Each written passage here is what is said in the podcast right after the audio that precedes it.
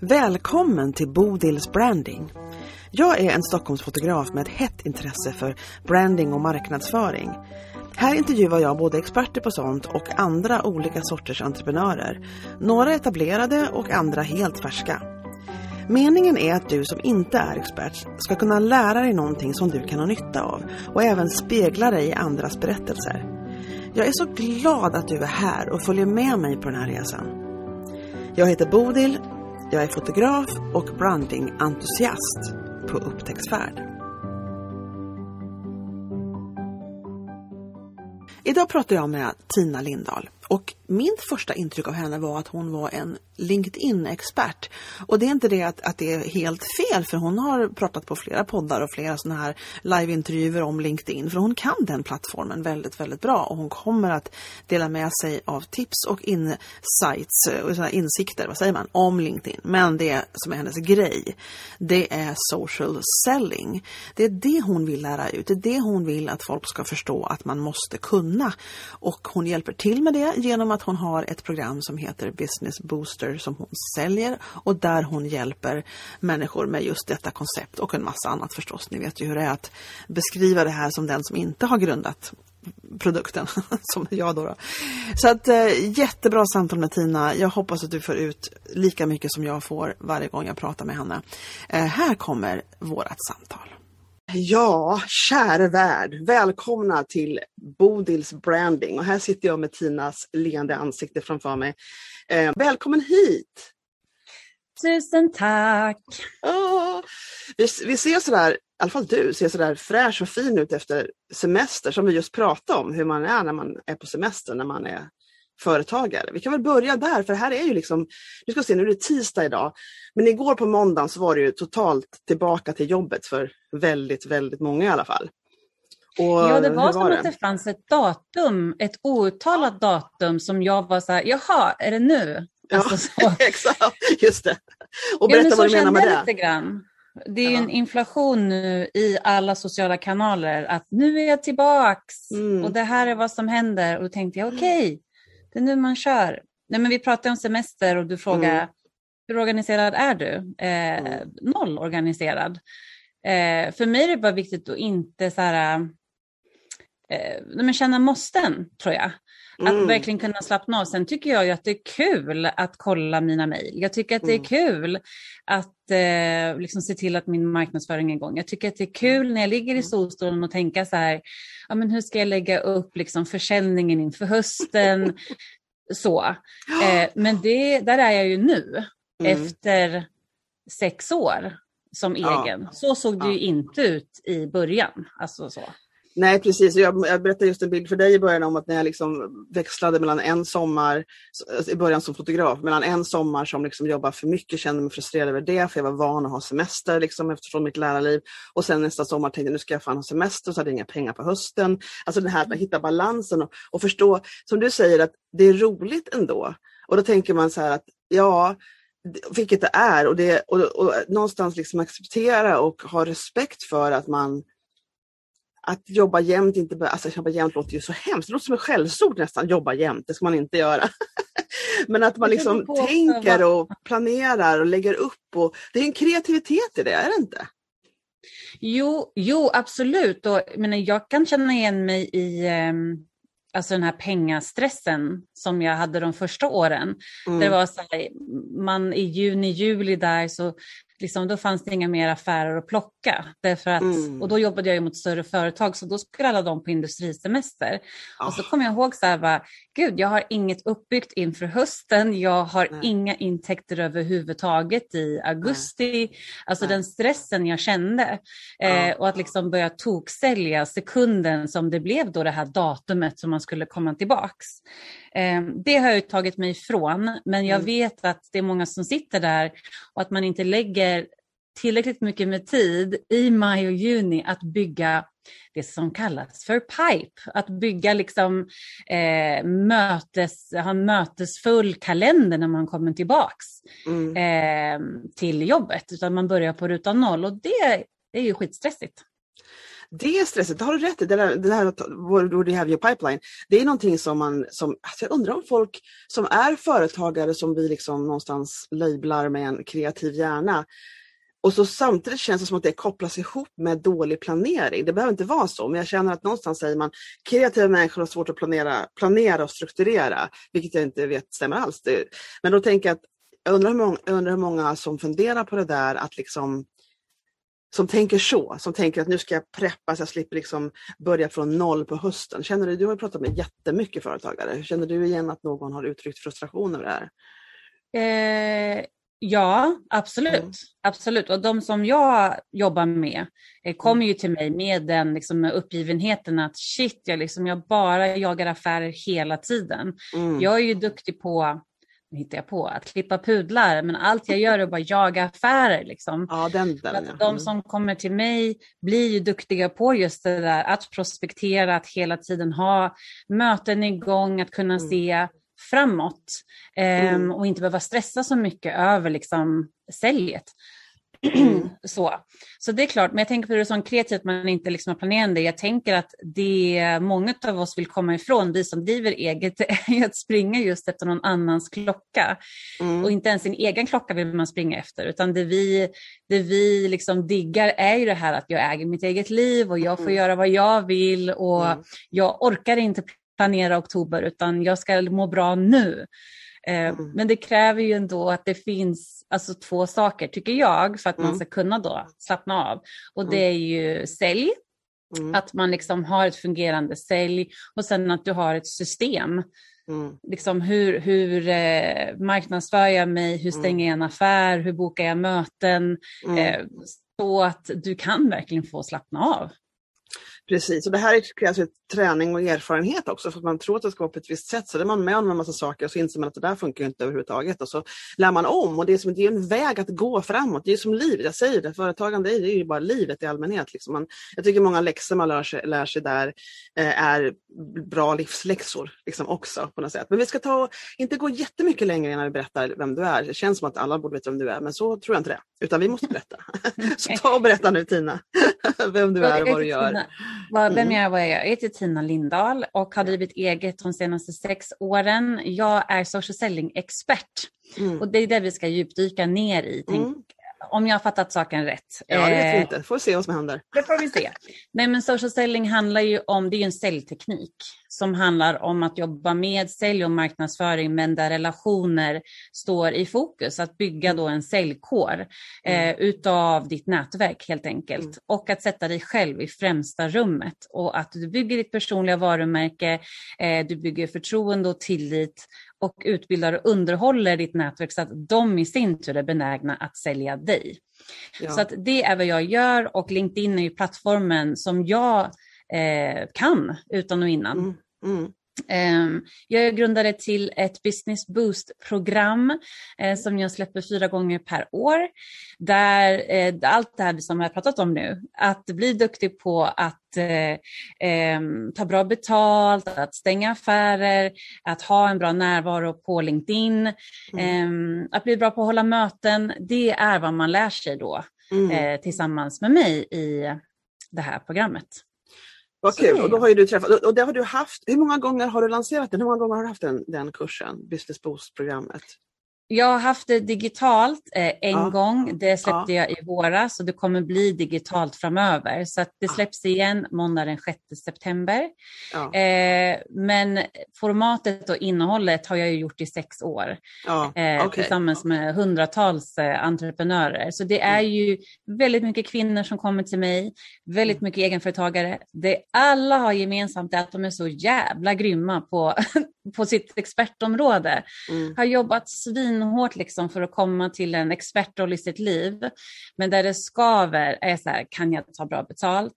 Hur ska jag prata gott om mig själv? Mm. Hur stänger jag en affär? Hur håller man ett möte? Så att jag hjälper till med den delen då så att eh, mm. de här kvinnorna verkligen kan få leva på det de älskar att göra. Och det är det man behöver och många behöver hjälp med framförallt i början. Men du kom ju från en bakgrund där du också höll på med sälj och marknadsföring. Eller kommer, minns jag helt fel nu? För det gör jag ganska ofta. Jag har jobbat på väldigt eh, säljintensiva bolag ja. men min bakgrund är inom kundservice. Mm. Så att jag har ju tagit hand om eh, kunderna efter säljet är gjort. Okay. Eh, jag är den som har plockat upp då de här, eh, eh när det blir fel helt enkelt. Ja. Eh, och det är ju verkligen... Vilken bra, vilken bra skola, eller hur? Ja, ja fantastiskt. Alltså, vilken, ja visst. Så jag har gått in i bolag under, tio år då, där jag klev in som kundservicechef och eh, det här var avdelningar som var behovet av någon typ av förändring. Mm. Man kanske behövde gå från analogt till att jobba digitalt, man behövde gå från att jobba reaktivt till proaktivt, det var generationsskiften, det var mm. uppköp. Så att jag kom in som eh, det men en frisk fläkt va? eh, och eh, No ehm, pressure, no pressure. Yeah, no pressure. Nej, men eh, jag kom in då på ganska kort tid, fick igenom de här förändringarna. Eh, så. Och jag var ju aldrig den här alltså förvaltande chefen som bara gick runt varje dag och såg till att allting funkar, utan jag mådde som bäst när jag kunde komma in och nästan som när man städar, du vet man ser mm. liksom här är det rörigt. Mm. Eh, och så städade jag upp och så såg jag nu glänser allting och det är fint, nu kan jag kliva. Just det. Att, men gud vad det låter jätteroligt. Alltså det, jag tänker, konceptet som jag tycker låter roligt, det är att man dels får liksom hjälpa någonting från ett sämre tillstånd till ett bättre tillstånd. Det är alltid lite egoboostande för det första. Och sen, så, och sen när det liksom är det klart, själva my work here is done, då kan man liksom gå vidare till nästa sånt projekt. Jag tycker det låter fantastiskt roligt. Eller? Det har, ja, det har varit fantastiskt roligt. Eh, Akilleshälen har ju varit såklart att kliva in i röror. Ja. Eh, och att man gör det om och om igen under tio års tid, det tar ja. väldigt mycket. På, det kan jag förstå. Ja, på, jag tänkte på, tre projekt sådär, men du hade typ kanske 30 000 projekt. Jag nej, men jag hade väldigt många ja, eh, under ja. tio år. Och, jag, menar, jag, fick min, eh, jag träffade min man, vi fick barn. Mm. Eh, du vet, jag kunde liksom mm. inte ligga på den nivån mm. jobbmässigt eh, som innan. Då. Mm, vad kände du att du hade med? För jag vet att du, att du ändrade du, jag kommer ihåg att du, du berättade någon gång att du ändrade liksom bana in till den här egen, eh, egenföretagaren och det som du gör för att det var liksom, det funkar inte, det var inte hållbart för dig längre med familjelivet och barnen och allt sånt här. Och det var det som, som sparkade in dig i egenföretagandet vad jag förstår. Var det, stämmer. Ja, ja. Det stämmer och det här är ju 2015 då när jag, eh, det var vår son som var mm. tre då. Han mm. sa ifrån liksom och mm. bara, hallå mamma, du är mm. aldrig hemma och du är så mm. ledsen. Och, mm. för jag höll på verkligen att jobba ihjäl mig och kände bara, ah, jag räcker inte till. Mm. Så att vi bodde då i Stockholm och bestämde oss för att flytta till Örebro som är min hemstad. Och vi sa upp oss och vi sålde vår lägenhet och var så otroligt övertygade om att vi skulle få jobb. Alltså vi hade ju mm. Stockholmsprofiler, vi borde ju vara jätteattraktiva. Mm. Oh. Och så kom vi hem hit, det är en mindre stad, kunde ingenting om liksom jobbkulturen här. Nej. Och här, eh, som i många mindre städer, så handlar det om nätverk. Att eh, någon ska kunna gå i god för att den du säger att du är och det du kan, att det faktiskt stämmer. Fanns det till och med och misstänksamhet hade... mot storstadsmänniskor? Tycker du? Nu var ju du i och för sig ursprungligen örebroare, men kände du att det fanns sån här, nu ska inte storstaden komma här och komma? Eller vad jag tror du? Jag fick epitetet stockholmaren, oh. alltså så. Um, och det jag fick höra när jag gick på intervjuer, det var ju att jag skulle hämma och skrämma företagsledare här därför att jag hade kompetens då som inte fanns. Eh, och det satte jag ju mig emot och sa, men hallå, använd det istället då. Ja. Alltså så här, plocka russinen ur kakan och sälj mig att jag kan komma in med perspektiv och erfarenhet. Eh, men det var då jag ödmjukt då insåg att så funkar det inte här. Eh, så att anledningen till att jag startade eget, det var ju för att jag, eh, det gick inte att paketera om mig. Nej. Det var för Nej. svårt för rekryterare här att paketera om mig. Så att jag började springa på massa fysiska nätverksevent. Eh, och var väl plusmeny och extra allt. Ja. alltså så. Ja. Men hur menar, bara, du, när du säger det? Hur menar du när du säger det att du var plusmeny och extra allt? Menar du i din, i din utstrålning, i din approach eller menar du i din, din CV? Liksom? Vad menar du med det? Du säger så? Nej men allt. Mm. Både liksom approach och eh, hur jag tar plats och hur jag pratar mm. och hur jag engagerar mig och att jag har jobbat arslet av mig liksom och mm. kan väldigt mycket grejer. Mm. Eh, så att det blev liksom lite för högljutt, lite för färgstarkt har jag förstått. Och det var då jag vände mig till LinkedIn för att vara så här, okej, okay, om jag inte kommer in liksom i fysisk form i de här nätverken, Nej. Nej. då behöver jag bygga mitt brand, alltså mitt varumärke på LinkedIn. Eh, och be mitt Stockholmsnätverk då, som jag hade på plattformen, mm. att de kliver in och liksom eh, berättar att det Tina säger att hon kan mm. och det Tina säger att hon, det stämmer. Mm, så så började det och sen blev jag gravid. Eh, vi fick vår dotter och um, efter då att hon, eh, jag hade varit hemma med henne i ett år och skulle börja jobba igen. Mm. Um, då var det så många som hade sett mig då på LinkedIn, jag hade gjort ett bra jobb. Um, hade knäckt koden för hur mm. man behöver jobba på plattformen för att den ska jobba åt dig. Mm. Så de hörde av sig till mig och bara, hallå kan du komma och hjälpa oss? Och då mm. tänkte jag, fuck it, nu, nu kör jag. Nu kör, nu kör jag. Och, då, och hade du tänkt då, så när du började med ditt, det är så intressant, för jag tycker det är så bra och jag tycker det är eh, inspirerande.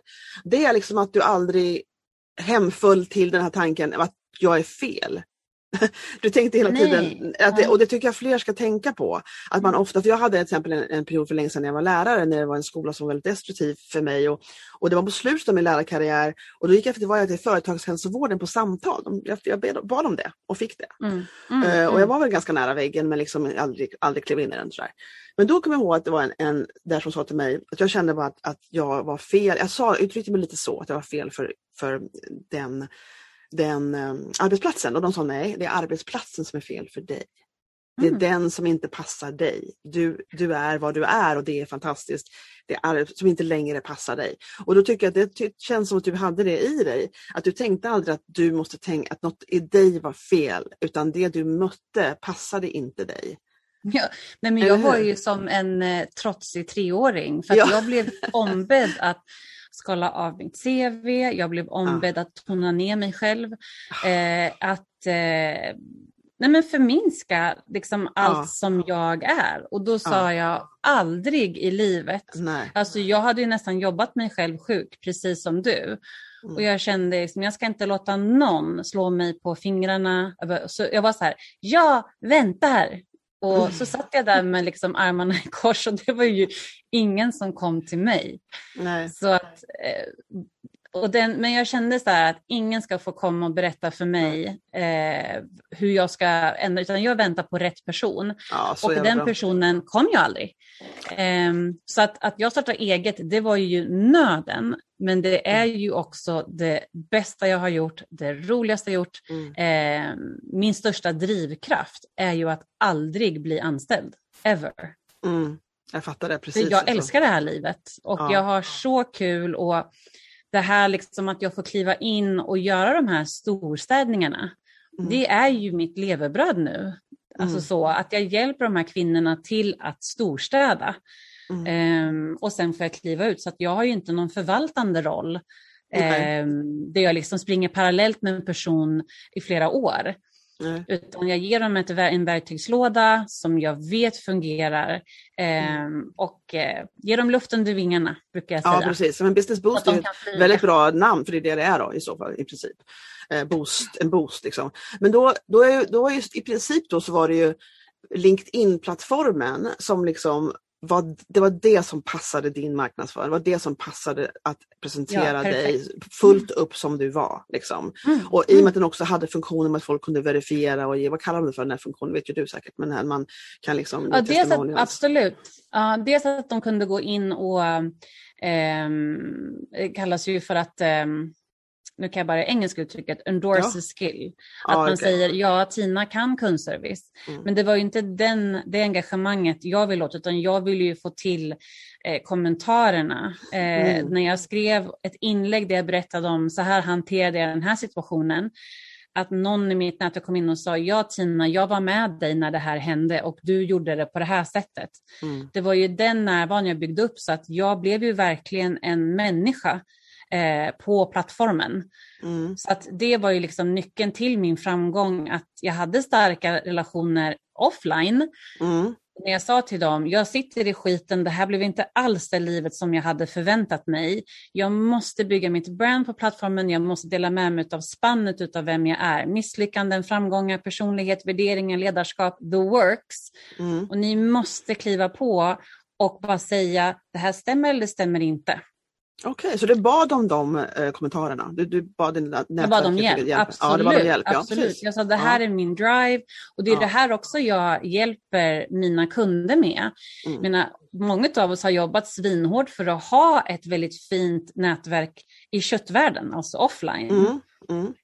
Men vi gör inte kopplingen till att be de här personerna kliva på en digital plattform och agera på samma sätt som man gör i den fysiska världen. Ja, men det är intressant. Jag tror väldigt många är rädda att be om hjälp. De vill liksom, jag klarar mig själv-stuket, liksom. det här ska nog gå. Och så, och så ber man inte om hjälp. Det är liksom som att en del, eh, att få testimonials till exempel, liksom, att det kan vara svårt att be om det. Jag, jag tycker mm. inte det är svårt att be om det, men jag känner lite grann ibland som att, att eh, jag gör på ett olika sätt, men alltså, jag, ibland det, det slår till den här tanken av att de jobbar inte för mig. Varför ska de liksom lägga tid som en läxa? Eh, så jag gör det, men det, hur jag löst det är att jag, när jag kommer ihåg det så ber jag om det, jag bara spelar in det. Jag, ber, jag frågar några frågor och så spelar jag in det, sen så använder jag det på lite olika sätt sen. Sådär, mycket. Och det här med liksom den, du är inte ensam om att ha Nej. den inställningen att gud, de jobbar inte för mig. Men mm. om du tänker på hur du själv skulle reagera om någon person som du tyckte väldigt mycket om, som du var nöjd med som leverantör eller kompis eller chef eller whatever, skulle mm. komma till dig och bara, Bodil av alla människor, kan du tänka dig att bara skriva några rader eller säga hur det är att samarbeta med mig. Mm. Alltså, vi människor blir smickrade, vi tycker om att mm. liksom, hjälpa andra. Vi diggar att få bidra till att en annan person får hjälp. Det är liksom ja, vår grund, men så är det, så fungerar ja. vi människor. Vi letar hela tiden efter eh, gemenskap, av mm. tillhörighet och att jag blir tillfrågad av en person som jag diggar. Kan du hjälpa mig? Gör mm. att jag känner att jag betyder någonting och jag är värdefull. Ja men det är eh. sant, jag har inte tänkt på det på det sättet så pass, så pass bra, alltså att, att det är så pass bra att be om hjälp. Men det tror jag, det är väl jättebra om, om de som lyssnar här nu tar till sig det. För jag, tror, jag känner det, I feel it in my bones att du har rätt. ja, vad, vad härligt. Ja. ja nej men, eh, eh, alltså jag har ju testat det här under sex års tid med, med väldigt, som jag sa, hundratals eh, egenföretagare, just det här att bli duktig på att be om hjälp och att tänka så här, jag är på LinkedIn inte för att sälja, utan jag är på LinkedIn för att bygga en säljkår. Hmm. Det, är du med? på? Nej, säg det, säg, nej förklara mer. Förklara mer. Jag förklarar mer. Så att när jag gör ett inlägg på LinkedIn, där jag säger kanske att eh, eh, tänk så här när du, eh, det här är tre tips för att klara av en vecka. Ja. Och jag är en coach så att jag säljer coachingtimmar, hittar vi på nu. Så det jag vill är ju att sälja. Jag vill att någon ska ja. i mitt nät ska säga, jag behöver de här tre tipsen och jag behöver dig. Ja om jag bara skulle göra inlägg för att få till ett sälj så skulle ju mitt nätverk tröttna på mig toksnabbt. Mm. Och känna bara, Åh, hon bara hör av sig för att sälja. Mm. Men om man istället har en approach på LinkedIn där det inlägget jag lägger ut handlar om att jag ska utbilda och underhålla mitt nätverk för hur jag kan hjälpa människor överlag då ser jag ju till att de hundra personerna jag har i mitt nätverk, istället för att jag tänker ah, hundra pers och bara en har köpt, mm. så tänker jag, kan jag utrusta de här hundra med så mycket kunskaper om mig och vilket problem jag löser, att de i sin tur är benägna att sälja mig vidare eller prata om mig ja. när de har någon i sitt nätverk som är i behov av tre tips på en måndag. Alltså det här är ju precis som nätverk funkar med nätverksmöten man har gått till väldigt mycket, jobbat med väldigt ja. nätverk. Och det är precis det det är, att man får tänka på varje person att de har sitt eget nätverk. Och, ja. att, och det här med att liksom verkligen, och det här, jag, jag känner ju människor som företagare, det här är alltid baff, att jag totalt slår mig med häpnad, som det heter på svenska. Um, att man inte tycker, inte vill nätverka. För mig, jag skrattar när jag säger det, till och med skrattar när jag säger det. Jag kan inte liksom hålla, att man liksom, nej jag vill inte nätverka. Och jag fattar att, att man är introvert och jag fattar att man att man kan vara rädd. Alltså det finns olika människor, vi är, vi är olika lagda när det gäller att träffa folk och vara i klungor. Liksom. Men att man som företagare inte uppskattar kraften av nätverk, det, det är förvånande för mig lite grann. Ja, och jag tänker att liksom vi har alla olika drivkrafter till varför man vill driva eget. Många mm. som kommer till mig är lite vinklippta, liksom har varit med om skit. Eh, man kanske har blivit, liksom, vissa har blivit utköpta, utfrysta, det har varit eh, vad heter det, omorganisationer där man har fått gå. Alltså ja. så. Och för dem att liksom sätta på sig eh, ett ansikte av förtroende och kliva in i en, en plattform eller ett fysiskt rum och tala gott om sig själva. Det är ju inte superenkelt. Och tyvärr så är det ju alltså, till denna dag, jag har haft manliga kunder också, inte en enda manlig kund har varit så här, jag har blivit utköpt, jag har blivit tillknäppt, jag har blivit, eh, du vet, de här mm -hmm. sjukskriven, så. Utan istället? Eh, utan de driver eget av andra liksom, orsaker, de som kommer till mig. Och nu okay. kanske jag generaliserar, but I don't think so. Mm. Eh, och sen kommer då kvinnorna till mig som är så här, jag har fått nog av att springa efter någon annans klocka. Jag är trött mm. på att bli liksom pratad till på det här sättet. Jag är trött på att bli tagen för givet. Mm. Jag hinner inte med min familj. Alltså det finns ett sånt spann utav orsaker till varför man driver eget. Så att liksom när jag då säger, vet du vad, du är awesome, du är ett mm. kraftpaket, du ska sätta mm. på dig det snyggaste du har på dig, du ska ta plats på världens största affärsnätverk mm. och du ska tala gott om dig själv. Mm, alltså det, det blir mycket. kortslutning. Men det fattar jag. Men jag tänkte, fast när du pratade om det förut så tänkte jag det här med att det kan vara svårt om man är på ett tungt ställe och går ut och presenterar sig som bästa grejen.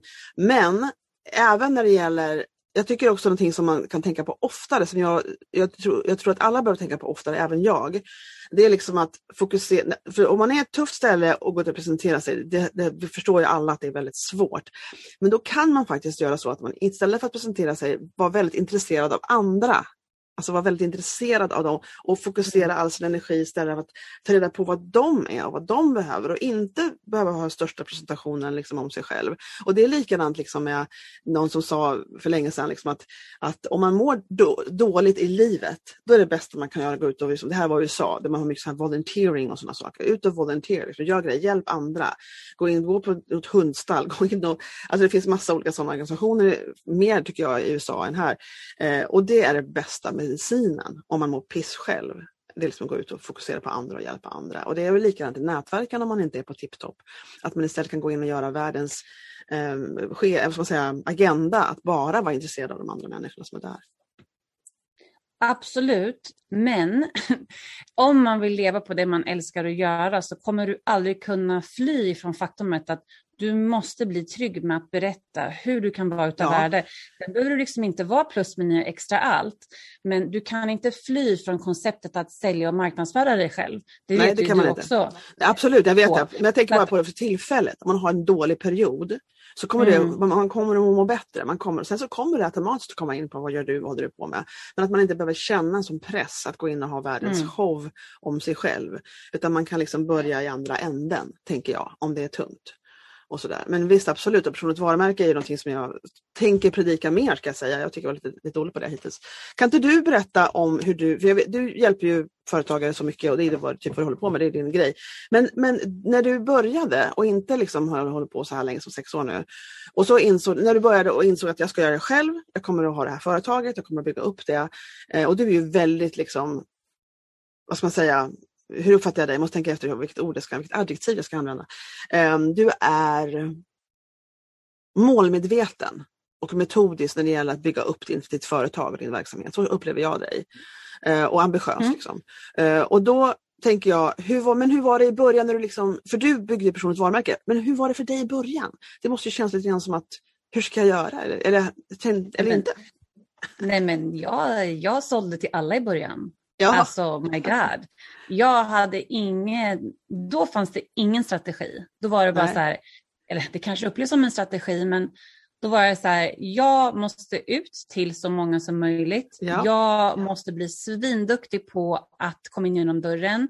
Mm. Eh, att bli trygg med att hantera invändningar. Alltså, det var verkligen learning by doing. Alltså Mm. verkligen. Och det jag fick höra från många andra egenföretagare var så här, du ska göra allting själv. Du ska göra din hemsida själv, du ska göra din redovisning själv, du ska göra det här själv. Och jag kände Sa bara, de så? På riktigt? Ja. Sa de så Ja, de- till dig? Ja, ja. Nej, men jag för att hålla ner kostnader och Ah. sådana saker. Och jag var Okej. så här, ja men jag kan inte det och jag tycker inte att det är kul. Vad är då poängen med att driva eget om jag inte får välja exakt vad jag vill göra? Ja. Så att eh, det har ju liksom varit en, en process över tid att landa i vem vill jag sälja till? Vem behöver mig absolut mest? Eh, det programmet som jag eh, säljer nu är ju resultatet av sju år, eller sex års då, inte trial and error, men så här, vad funkar, vad funkar Mm. inte? Vad Mm. behöver man, vad behöver man inte? Mm. Så att det fanns ingen plan i början. Det var bara så här, jag måste sätta mat på bordet. Mm. Jag måste dra in. Eh, men jag, blev, jag var väldigt duktig väldigt snabbt på att Mm. ta väldigt bra betalt. Mm. Och det har väl att göra med att jag liksom kunde luta mig mot de här tio åren där jag, gick in, alltså där jag var chef. Och jag visste Visst. att de får inte bara LinkedIn utav mig, utan jag kan komma in och ge så mycket mer i en workshop eller en föreläsning. Mm. Men sen har jag tagit rygg på så många andra kvinnliga, alltså etablerade kvinnliga företagare. Och bara så här, vad, vad, vad tar du för en föreläsning? Vad tar du för en workshop? Hur tänker du när du ska göra så här? Mm. Så att eh, den Tina som jag är idag och så som jag är sedd idag, nu är det strategiskt. Mm. Nu är jag uttalat liksom den kvinnliga företagarens bästa vän. Det är Mm. den jag vill vara. Ja. Eh, men när jag började för sex år sedan, då var jag så här bara, kom och köp! alltså så. Det, men det är så bra att du berättar det. Jag tycker det är viktigt att, att, man, att, man, berätt, att, man, att man står för det. Eller det är, för sån är resan. Sån är Ja. företagsresan. Man börjar Ja. liksom från att göra så gott man kan. och sen lär man sig och då menar jag att det kan vara skönt att, att förstå det när man är i början. Liksom att det här kommer att bli bättre. Du kommer bara bli bättre och bättre och bättre och bättre och bättre. Och alla har en dag ett. Även de som är framgångsrika och de du beundrar har haft en dag ett. Ja, Ja. och tänk också, alltså för mig var ju också resan att gå från kundservicechef, alltså på Mm. pappret så var ju jag kundservicechef Mm. och så helt plötsligt skulle man ta in mig som expert på LinkedIn. Ja, Alltså bara den resan för mig att, att paketera om mig själv så att den här, det klivet, Ja. det klivet från kundservicechef till LinkedIn-expert eller social selling-expert, att det aldrig skulle ifrågasättas. Att jag skulle kliva in med samma auktoritet och pondus som jag hade Mm. som chef, men Mm. även som egen eh, företagare och då som en expert.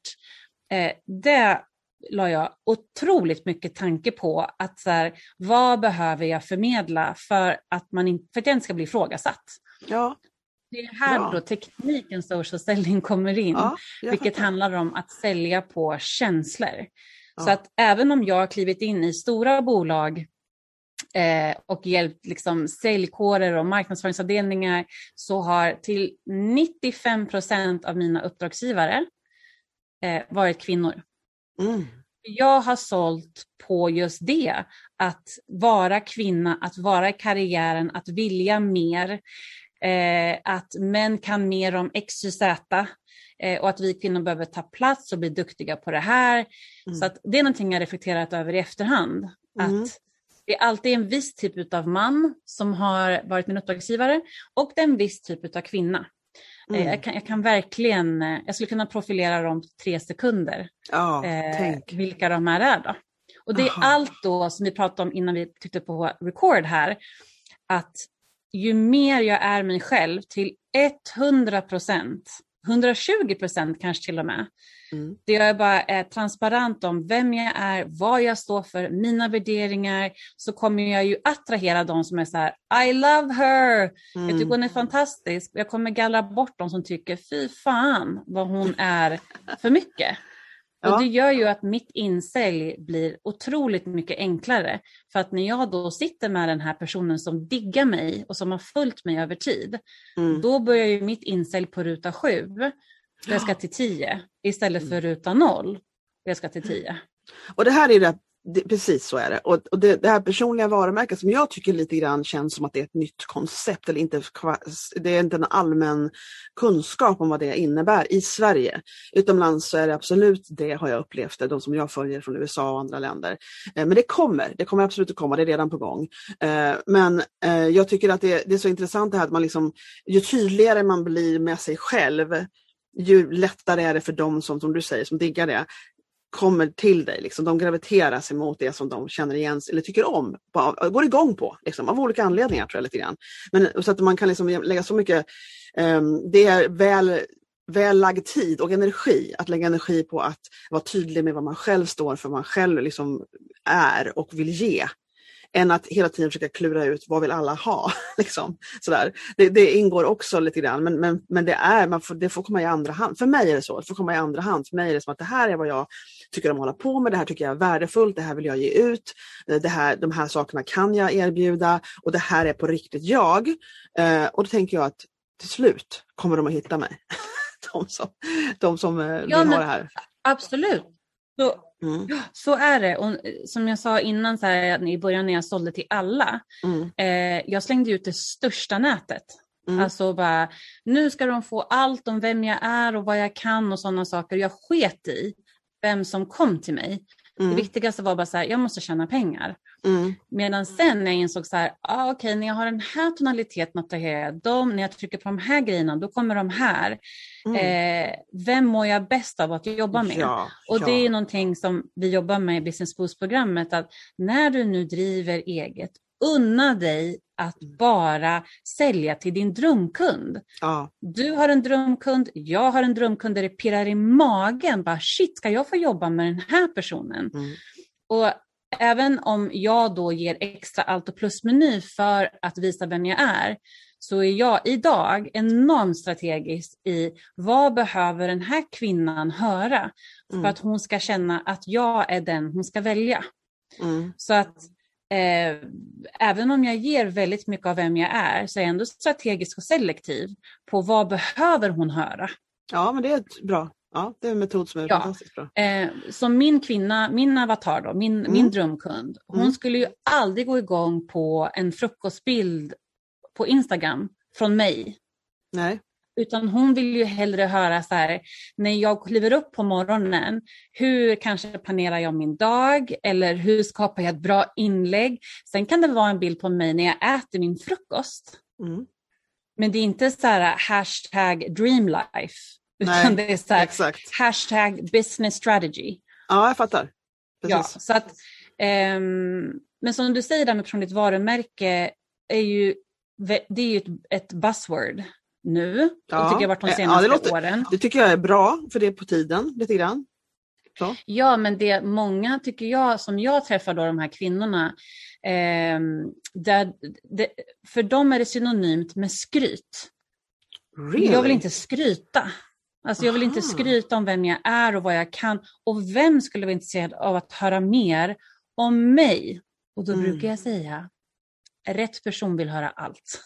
Ja, alltså exakt. så menar, du är inte ensam om att ta personal brand photos. Jag är inte ensam om att lära ut LinkedIn. Men du och jag är unika på hur vi får våra kunder att känna oss. Exakt. Och det är därför man måste liksom vrida på den här tratten och bara visa vem du är.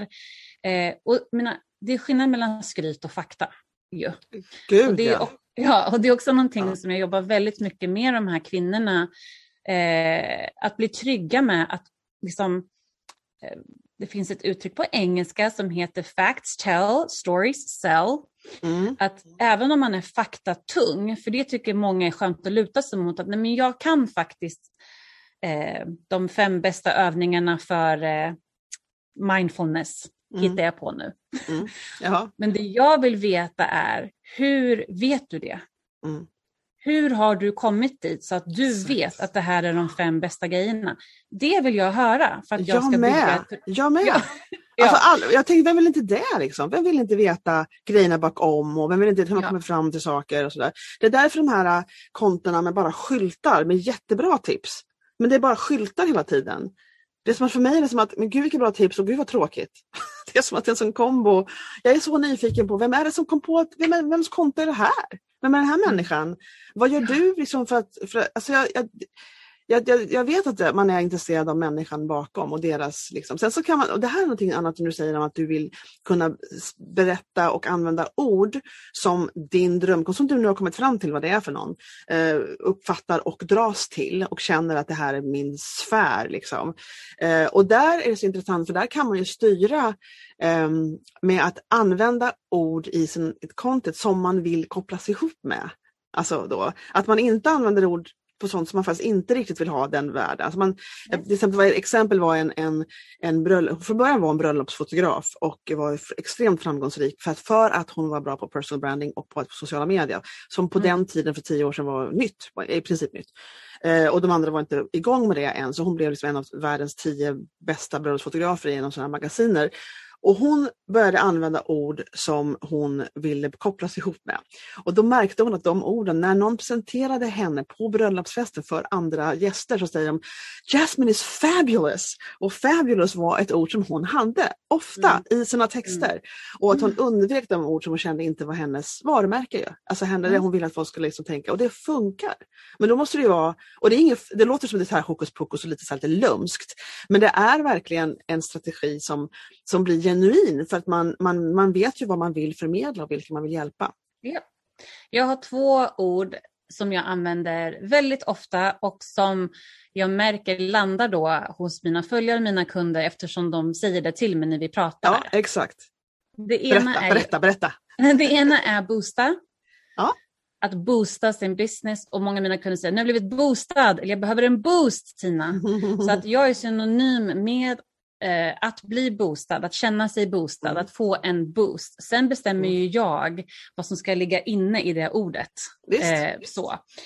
Eh, det andra är ordet bajsnödig. Så att jag säger ja, ofta jag så här, ah, det, det här är lite... Hos dig. ja. Jag läste, ja.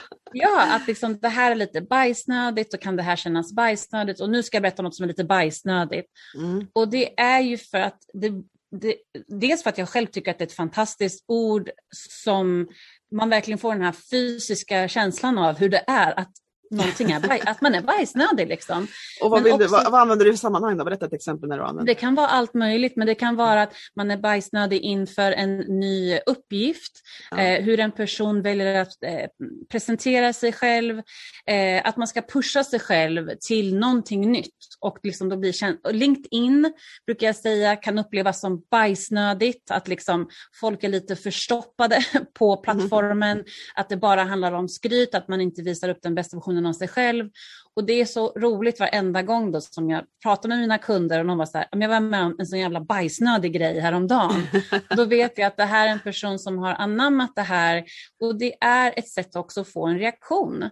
Ja. För att jag är ju i mitt varumärke så kan jag nog tyvärr upplevas som präktig. Eller det har jag fått som feedback, att jag upplevs som Aha. präktig.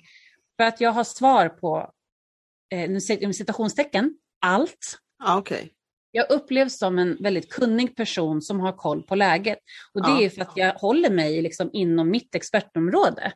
Alltså så. Så att jag har ju Just. total kontroll där. Eh, och när jag då börjar prata om ett ord som bajsnödig så blir det som en glitch i uppfattningen om vem jag är. Eh, okay. Och folk börjar skratta. För då visar jag ju på liksom också, det finns en barnslig Tina, det finns en humoristisk Tina. Mm. Eh, och någon som jag har inga problem att driva liksom med mig själv. Mm. Så boosta och bajsnödig, det är de orden som jag tror många skulle tänka, ja ah, det är Tina. Och, det har du, och då är det ju verkligen en planering bakom detta, du har en syfte med att använda dem hela tiden helt enkelt. Så är ja, det. Ja, använde det senast ja. idag faktiskt ja, på ett inlägg. Okay. Om man skulle ta och toucha lite nu på LinkedIn, som, som, bara för att det, du kan den plattformen som du säger utan och innan. Eh, och då, då tänker jag på några som jag, och mig själv också, som har, som har lite svårt att komma in på det här. Och då, då funderar jag mycket på att, för det är upplagt på ett helt annat sätt än om man, om man är van vid Instagram till exempel. Men då tänker jag om man kunde börja med att säga, var är det um, säga, strategiskt eller, eller tank, mentalitetsmässigt? Hur ska man liksom ställa in sig mentalt när man ska liksom erövra LinkedIn. Ja. Kanske låter stort. Men... Eh, jag brukar ofta ge liknelsen till ett fysiskt nätverk. Okay. Om du skulle bestämma dig att imorgon bitti ska jag gå på ett fysiskt nätverk och det kommer vara hundra personer där. Vad är viktigt för mig då när jag går dit?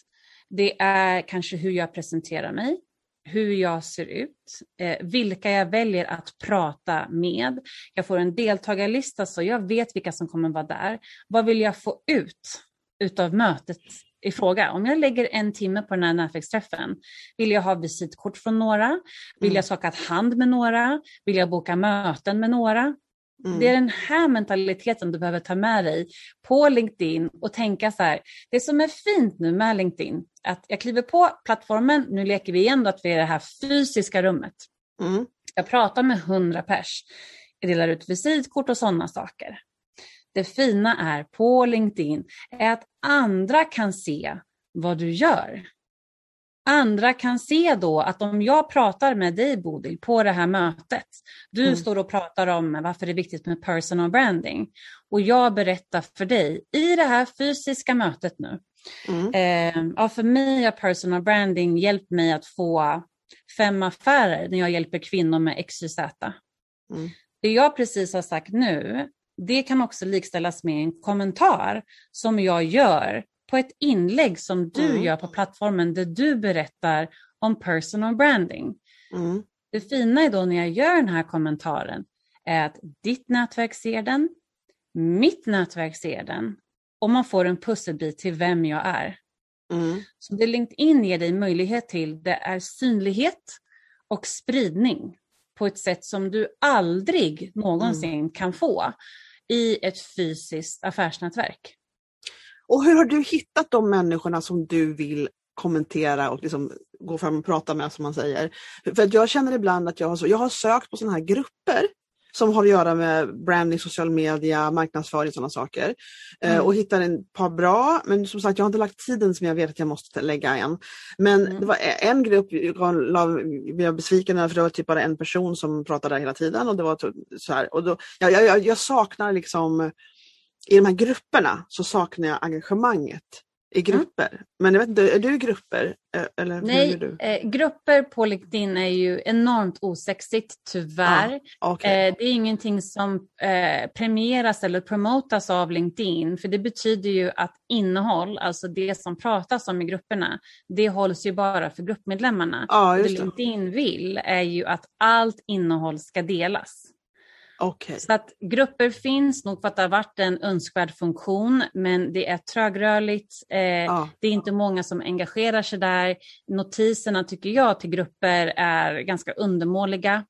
Men för att svara på din fråga, hur hittar jag till mm. mina Eh, jag använder mig av sökfunktionen som finns på plattformen för att leta upp hashtags, jag letar upp sökord, eh, jag letar upp mina expertområden, jag letar upp eh, försäljning, social selling, digital marknadsföring och sen kollar jag vilka är det som skriver i det här ämnet mm. och kan jag kliva in här för att dels bygga relation men också att plocka mark.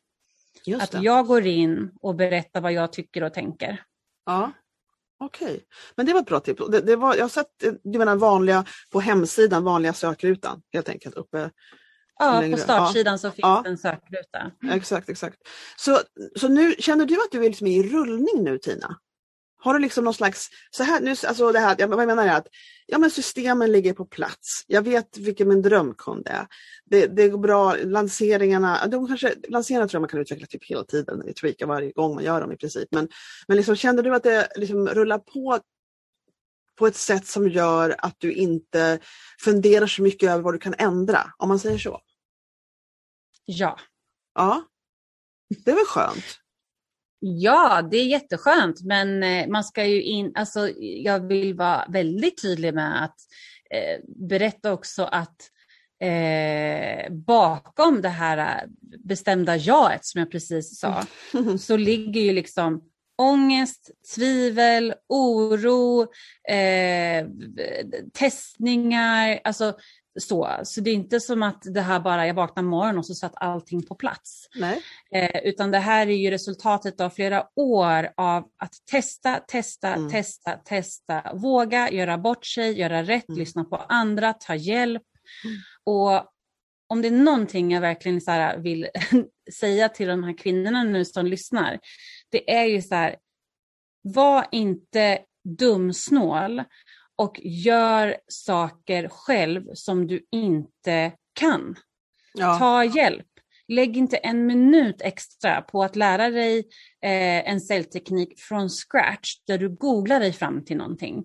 Mm. Eller med personal branding. Ta inte din mobilkamera som jag gör ibland och ställer mig och tar porträttfunktionen och lägger upp på Instagram och känner bara Ugh!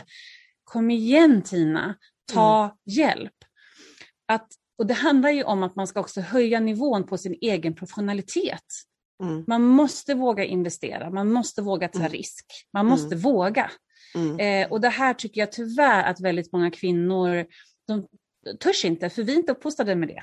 Vi är ja. inte uppfostrade med att våga ta plats, att våga ta för oss, att säga vi vill mer. Eh, så att mitt självsäkra ja, som du fick för några minuter sedan, mm. eh, är ju resultatet av sjukt hårt jobb. Ja men det är eh. klart att det är, men det, det, så är det ju. Och när man kommer till en punkt där det känns som att man har system på plats. Men så, det är alltid så att saker tweakas, man kommer på någonting och så tweakar man till det. Men det är ju det som är resan med att bygga upp ett företag och bygga upp en verksamhet. Att man, att man hela tiden provar nya saker. Och, sen så, och det här med att ha en drömkund, det, det är för att man har haft väldigt många kunder och så inser man vilka man absolut inte vill se igen och vilka som faktiskt klickar totalt. Och då mm. plötsligt står man där och inser vem man har som drömkund i princip. Liksom. Men det, det, är alltid vägen som skapar det här. Till, men, det, men jag tycker också det, det är bra att, att, um, att liksom vila i och vara liksom och uppskatta när det någonstans har hamnat i, en, i ett ställe där man har ett system och liksom en verksamhet som, ja men det här kör vi på ett tag nu, för det här fungerar faktiskt, det här är bra. Liksom. Jag sa till min man senast igår så här, det som jag kickar igång nu, alltså mm. lanseringen av Business Boost-programmet, det som kickar igång då 6 september. Mm. Jag ska ha fyra släpp av det innan sommaren 2022. Ja. Alltså, nu vet jag under ett år, det här är nu vad jag ska göra och jag ska utvärdera, laborera, experimentera eh, på sidan av då eh, liksom programmets gång för mm. att ge det absolut bästa till eh, den här kvinnan då som jag vill hjälpa. Och mm. det, så har jag inte jobbat innan, utan jag mm. har liksom, men jag har bara kört. Eh, mm. Medan nu då, så här många år efter, eh, liksom har jag landat där. Och ibland, jag, jag har ju liksom några kvinnliga entreprenörer som jag ser upp till. Och de är i min ålder, de är mellan 40 och 50. Och jag kan känna så här, ah!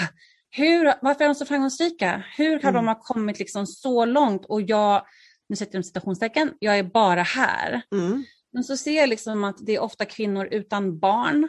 Det är mm. kvinnor som bor i ett annat land så att de har en helt annan syn på det här med barnvakt och liksom mm. hur familjen hjälper till. Um, och jag tänker att jag måste vara snäll mot mig själv och det viktigaste ja. är för mig att jag ska ha kul. För om det här inte blir kul, oh, vad fan ska jag göra? Vad ska man göra då? Eller hur? Ja. Det, det, det vet, ja, jättebra. Jag bygger det här, liksom, jag lever drömmen nu. Mm. Verkligen. Och jag har fått smaka på hur det är att ha gott om pengar. Det fick jag i rollen som chef. Det gjorde mig inte lyckligare. Mm. Och när jag frågar mina eh, kvinnor då som jag hjälper, liksom, vad är drömmen? Inte en enda har sagt jag vill bli rik.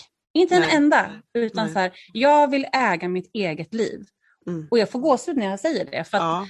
det är liksom, och det är väldigt härligt att få vara den personen som hjälper den här kvinnan till det. Ja, det Så det handlar väldigt sällan om eh, rikedom i mm. pengar, utan det handlar mm. om rikedom i så här bara, fan vad jag är stolt över mig själv. Jag ja. äger mitt eget liv.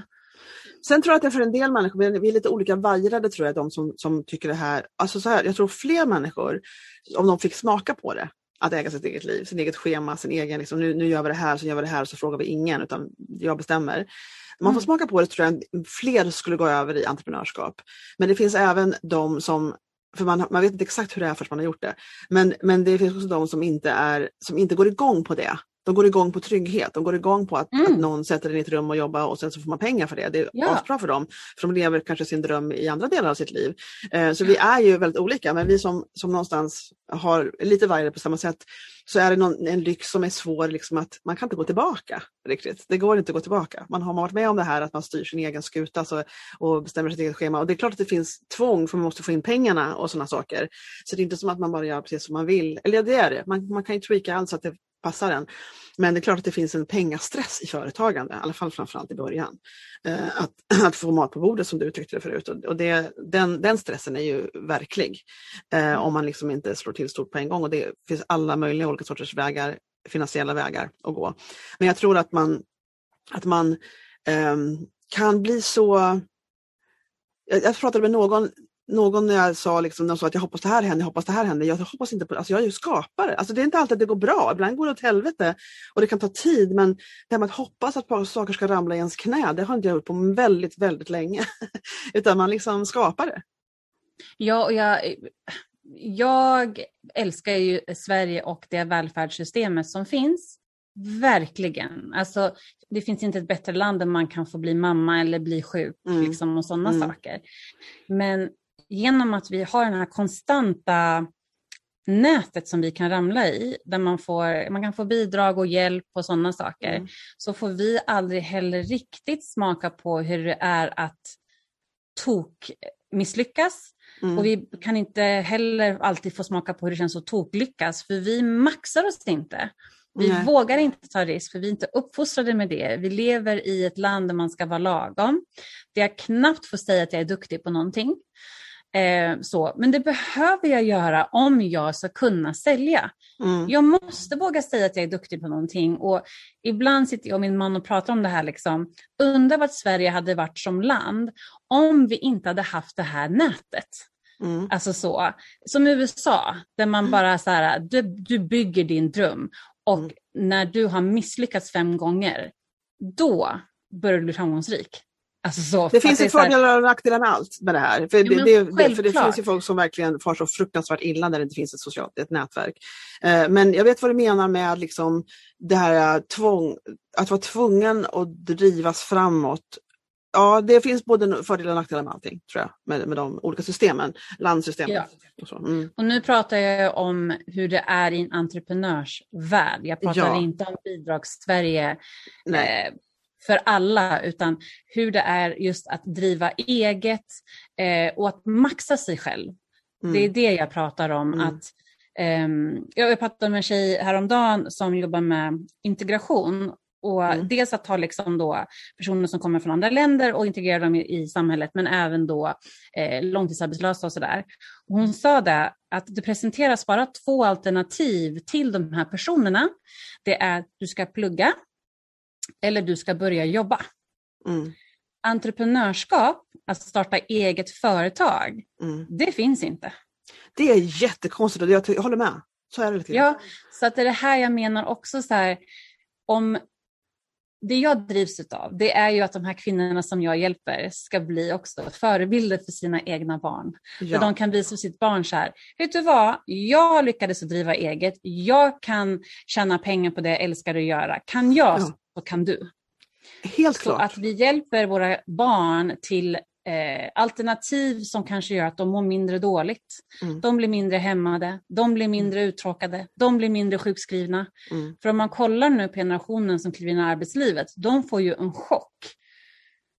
För att 9 eller 8 till 17, eh, liksom 40 timmar i veckan, det är ju så enormt förlegat, tycker jag, tycker jag att jobba på det sättet i en värld som drivs av teknik. Det är inte mm. industrisamhälle längre. Mm.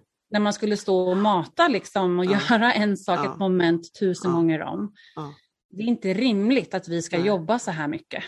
Det är så fascinerande det du säger, för, för det här med barnen och vilka förebilder man är och vad det finns för olika slags liv man kan prata För jag har ju varit entre, själv, självanställd, alltså entreprenör nu, eller företagare ska jag säga, i tio år.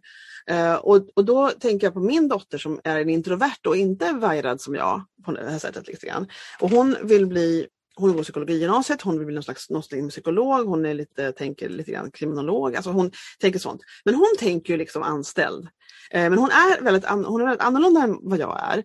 Men jag kommer mm. ihåg när hon fick en chock när hon plötsligt fick en sån här krisdag när det sjönk in hur höga poäng hon behövde för att komma in på psykologilinjen på, på universitetet.